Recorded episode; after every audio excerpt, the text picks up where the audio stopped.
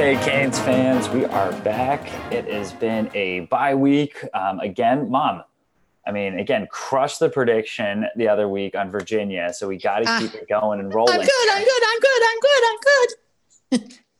So we have uh, the NC State game coming up, but we're just going to pretty much jump right into it right now, talking about and previewing the NC State game because there's not much to recap right now on the past week because we were obviously off. And I will admit, I actively did not seek out watching college football for probably the first time in I had 10 years or so. I just didn't watch much this weekend. So you're going to have to lead us most this way here and fill Well, us in. I, I didn't watch that much either. I had other things going on.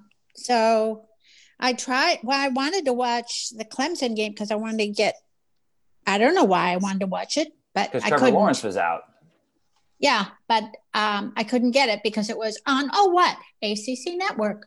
Yeah, there it is. Always a good, you know, Hmm. it's a real episode until mom starts complaining about the ACC network. Anyway, so neither of us watched a lot of college football, but we did do our research on NC State a little bit here, and they're also coming off a bye as well. So that's probably one of the reasons we didn't watch because our opponent wasn't playing. I would have watched NC State, definitely, had they been playing. Absolutely. And they have had some quarterback issues, and you have done some research on that as well and figuring out who may be starting and who may be coming in. Well, the, what I've read is that Bailey Hockman, Bailey Hockman, will be was is their starting quarterback for the season and will be starting this game against us. Uh, but apparently, in the last game that they played, which was the UNC game that they lost, That is correct. about I halfway through the game, Ben Finley was substituted in as the quarterback. Not sure why that happened. I wasn't paying attention to them that week. By the Um, score of the game, I'm guessing that it was to see if maybe Ben could do a little bit more since they lost 48 to 21 in that game. I don't, I remember watching that game briefly and none of it ever seemed close. I think you've got a good, uh, good, good reason, good reasoning there. Yes. Great, so great analysis, son. That was pretty good by me. Uh, That's just my guess there of why he was out. So, but it, it looks like uh, Hockman's going to start again against Miami here. But I do know that they're looking to try and run the ball a lot um, against us. So, so Baker needs to be ready for that, uh, the defensive coordinator for Miami, and be ready to try and make this team pass. Because if they're on their backup quarterbacks already, uh, we need to we need to capitalize on that. I am intrigued by what I've read about. They run at, on defense. They run the three-three-five stack. Oh, I've heard you've been reading about this. And to me, it seems obvious what it is. Perhaps you'd like to briefly review that. It, it, it, seems that what they're doing is they're pushing more um, out, more players out in the secondary. Yeah, I, I think you've kind of gotten a little bit. I know we faced against the three three five stack against West Virginia in the Russell Athletic Bowl in 2016 and had pretty good success. Uh, obviously, we scored 31 points that game. I mean, Brad Kaaya was throwing to Ahmmon Richards at that time, so it's a little bit different. Um, it's a it's a faster multiple defense and allows for teams to kind of go against uh, the spread offenses instead of having uh, defensive linemen in there. Uh, they're putting another secondary player in there to try and stop our or not the offensive's uh, extra spread offense. So trying to work with and deal with uh, you know the running back, somebody like D'Eriq King running the ball, um, more skill receivers. So they're trying to get some more speed out there to help with that. Um, you know, it's it, it can be effective, um, but it, you know at the same time all depends on how your linebackers do and the amount of confusion that they can make for uh, offensive line, for the quarterback, for the running back. Um, but again, we, we had pretty good success against that about four years ago. Well, apparently Lashlee has seen this before or seen something similar to it, and so has D'Eriq King. So that helps, and hopefully they've been working on it for the last two weeks or the last week and a half. Man, I hope so. They definitely need to have been. I really don't. We'll get in more of like Manny Diaz's bye week streak here, but they should have success against it. They should be ready for it. I know it, it probably plays a little bit into trying to stop the spread offense. There's obviously what we're running now with Lashlee, Uh, but at the same time, it should be able to scheme against it. Like you said, Lashlee's faced it before, especially in the Big Ten, because they've had to use it so much. Um, and in that, in that, in the Conference USA where he was with SMU, uh, more teams had to just kind of employ that because they don't have the same defensive line like we do at Miami. So I'm not ter- terribly pessimistic about the fact that we can deal with it. You know, it, I think it's one of those you have to deal with it, but hey, you know, it's any given Saturday with this. And, you know, if we don't come out and play well or prepare properly for it, and you never know, maybe because NC State has had a bye week as well, they come up with something new to surprise us and do something different there. So they got to be ready for that as well. I, again, I think offensively, the the team is going to have success against NC State. Um, you know, again, defensively, it's got to be if the defense comes to play. I don't I don't think NC State has much of a chance, especially with the with the two quarterbacks um, and being on their backup quarterback, the injuries, the run game is really their only strength. You take away that, um, you have a good chance at really winning this game. And as we talked about prior before that you started recording, that NC State's created a lot of turnover, or they've not created, they've turned the ball over a lot. Right, and and they have tackling issues, and I, I guess not being familiar with the three three five stack, it seems to me that if you have tackling issues, that's not probably the best defense to use, but what do I know? Yeah, again, I think it's one of those they try and score a good amount of points as well to deal with uh, letting up a lot of points. Again, they've they've scored somewhere between 45 and letting up um, somewhere between 20 to, to 35 points a game. This is this is not a defense you're really running to stop anyone. I think it's a defense you're running to slow people down and hopefully you can outscore them again, a lot more of what happens in the Conference USA, the Big Ten, where you're just trying to get one or two stops and hopefully outscore. So again, defense shows up, they shut down the offense for NC State. I feel pretty confident in our game. But I said that a lot before in other games too. And yes, we proved it against Pitt and UVA. We're winning some sloppy, ugly games. But again, those are at home. This is that good trap game on the road that we should win by 20. And again, I'm still nervous Yep, me too because this is and it's and it's not just uh, Manny Diaz's teams. It, it's been this way historically ever since you've been there. Yes, since I've been there. I mean, even like a little bit before that. Yeah, it's it's just been one of those where this consistently happens, and that's kind of more of my worry. It's a prime time game. Yes, it's not a packed crowd uh, just because of the the rules that are in place now. Um, but it's a night game at NC State, and you know it, it's a little bit different. Things can happen. If it was a noon game, I maybe feel a bit comfortable uh, with us coming out and playing well. But at the same time, those night games and getting excited for it, uh, NC State could come out and play pretty well. Uh, you know, and again, they're coming off a bad loss to UNC and having two weeks to mull it over and think about it. And a Canes team that's come off of two wins that have been a little ugly. I'm taking a deep breath, and I'm going to take a deep breath on Friday night too. All right, deep breath together to end the segment. Ready? One, two, three. We're all in. We're all out.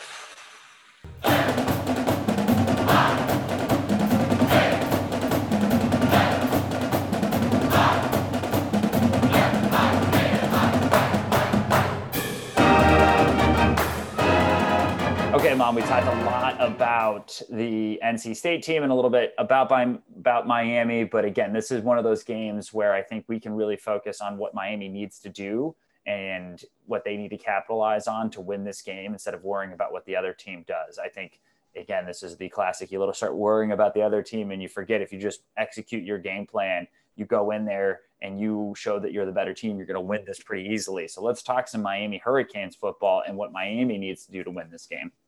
Well, Brevin Jordan is back. That's one way to help win the game is to get your one of your best players back. That's for sure. it sure is. So Jordan and Jordan and Mallory, the team, the duo.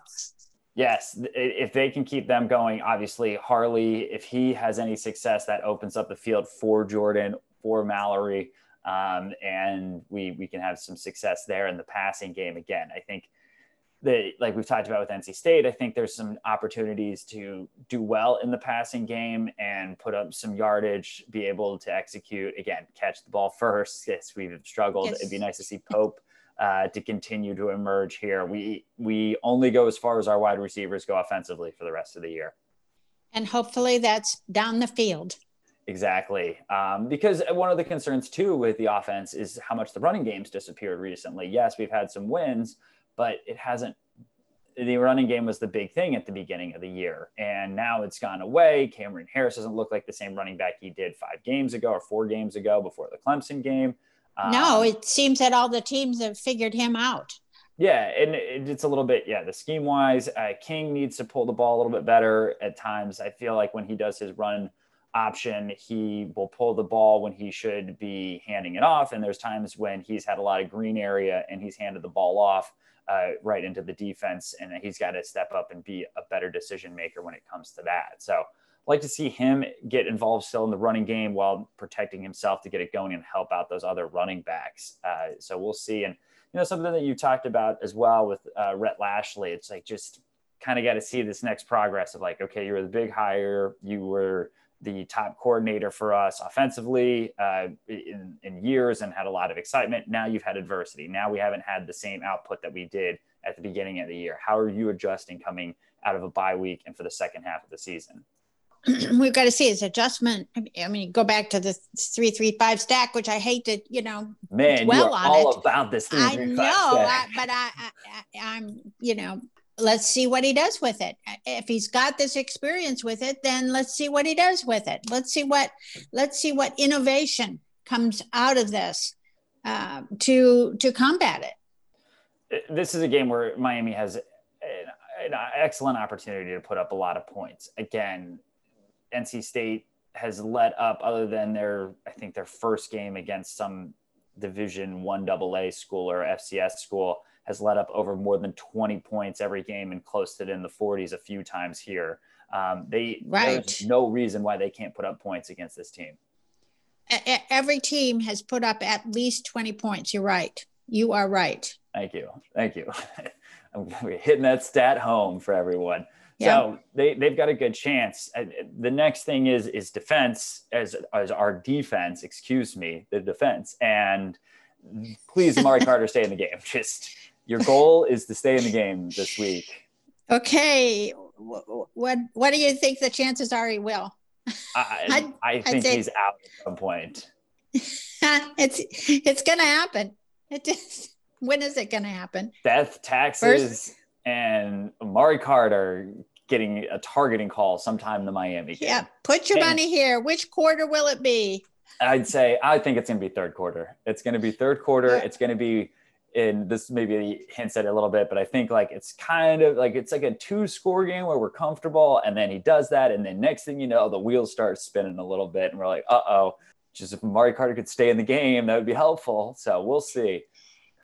I, I hope Manny Diaz and Blake Baker are, are uh, preparing for having a good backup uh, in case Amari Carter goes out, because at this point, that's on them too if they don't know that that's coming. that's right. It's it's too predictable. exactly and so we we talked about a little bit in the first segment is I think for the Canes if they stop the running game of NC State and really hold them, they got to make those uh, backup quarterbacks throw the ball, whether it's Hockman, whether it's Bailey. Um, they they have to make them air it out and beat them beat us that way with their pass game. Again, I just I like that matchup. I like a, a banged up NC State uh, offense against our good defensive line. Again, a lot of those guys are pretty healthy and getting out there. And, I, you know, we haven't been calling Bubba Bolden's name a little bit over the last few games either. I think he's ready for, for a bigger game and, and coming back out and having a good game.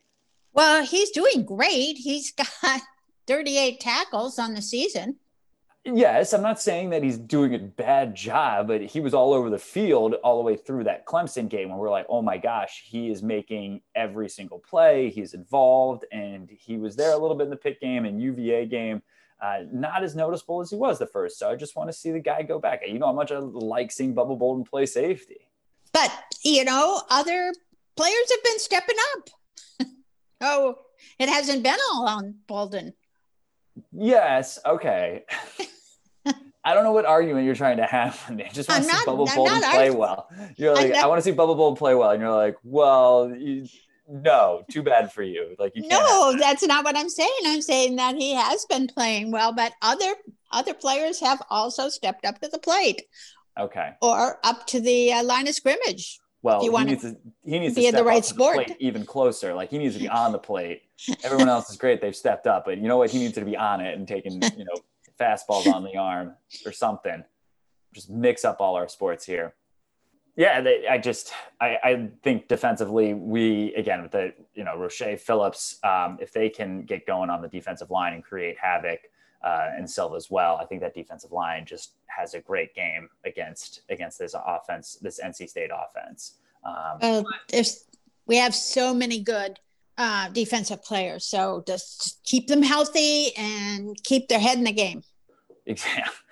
Like, please, literally keep your head in the game. Like Yeah. Amari Carter, keep your head in the game. Well, Stay not- in the not, game. yeah, I'm sorry, not not not Amari Carter's head in Yeah, the game. Amari Carter, don't put your like. There's a fine line for you, Amari Carter. Like, we want your head physically in the game, but we don't want your head a part of the game in the sense of like physically taking out someone and being kicked out, because then you're now your head is out of the game again. So like, there's a fine balance for you, Amari Carter. Okay. Wow. anyway, so I think our predictions from now on are not going to be about the game. It's when Amari Carter gets a targeting. Anyway, I don't think we've harped enough on that uh, point of it's it's like you and the three three five defense today, and me and Amari Carter.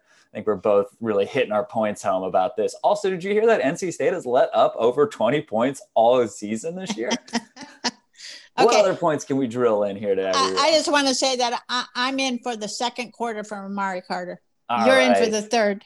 okay we're going to keep circling back to this this well all right now to kind of finish out with miami and all that we we saw in our bye weeks and all of that of just trying to the the knock on Manny Diaz recently has been his, you know, coming out of the bye weeks and how ill prepared his teams have been, uh, especially last year and how horrendous it was, where it looked like they've almost played like a had a short week of games instead of an actually full, you know, two weeks of rest, which is still mind boggling to me. I think what was three bye weeks last year, and that kept happening. And so this year, you know, we had the bye week after, I believe, the after the Florida State game, and he lost. Is that right? Yes, yes, my math is right on this. So he's actually like 0 and 4 coming off of bye weeks. Um, and again, Clemson's a little tough, and that's a little unfair uh, because of how good Clemson is. But he's got to win after a bye week at some point, Manny.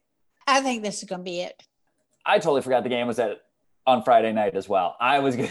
That's good. So everyone, the game's on Friday. I'm glad I was scrolling through my research right now because I had the game on Saturday. I thought That- you. I thought you uh, had already said that it was Friday night. I ESPN. said I said 7:30. I forgot that it was Friday. So that's good. I'm glad we cleared this up. It's a good thing we had this podcast or I totally would have missed the game. No, you man. wouldn't have. I wouldn't have let you miss the game. That's very true. That is very true. Luckily, I don't have to call and help set up your ACC network, uh, which is always No. fun. ESPN, yippee! ESPN. Hopefully it's up and running and there are no issues. So anyway, Friday night, 7:30, bye week, both teams. Manny Diaz come prepared. Lashlee show up with adjustments. Let's see something out the gate. Then when they adjust to it during the game, make the proper adjustments. So we're not just scoring seven points and sitting there. We should attack this team. We should be all over it defensively, should create two to three turnovers and put this game away pretty early. And if Amari Carter, you can stay in the game and not give the other team momentum, we should win this game by 20 to 30 points. But we'll see.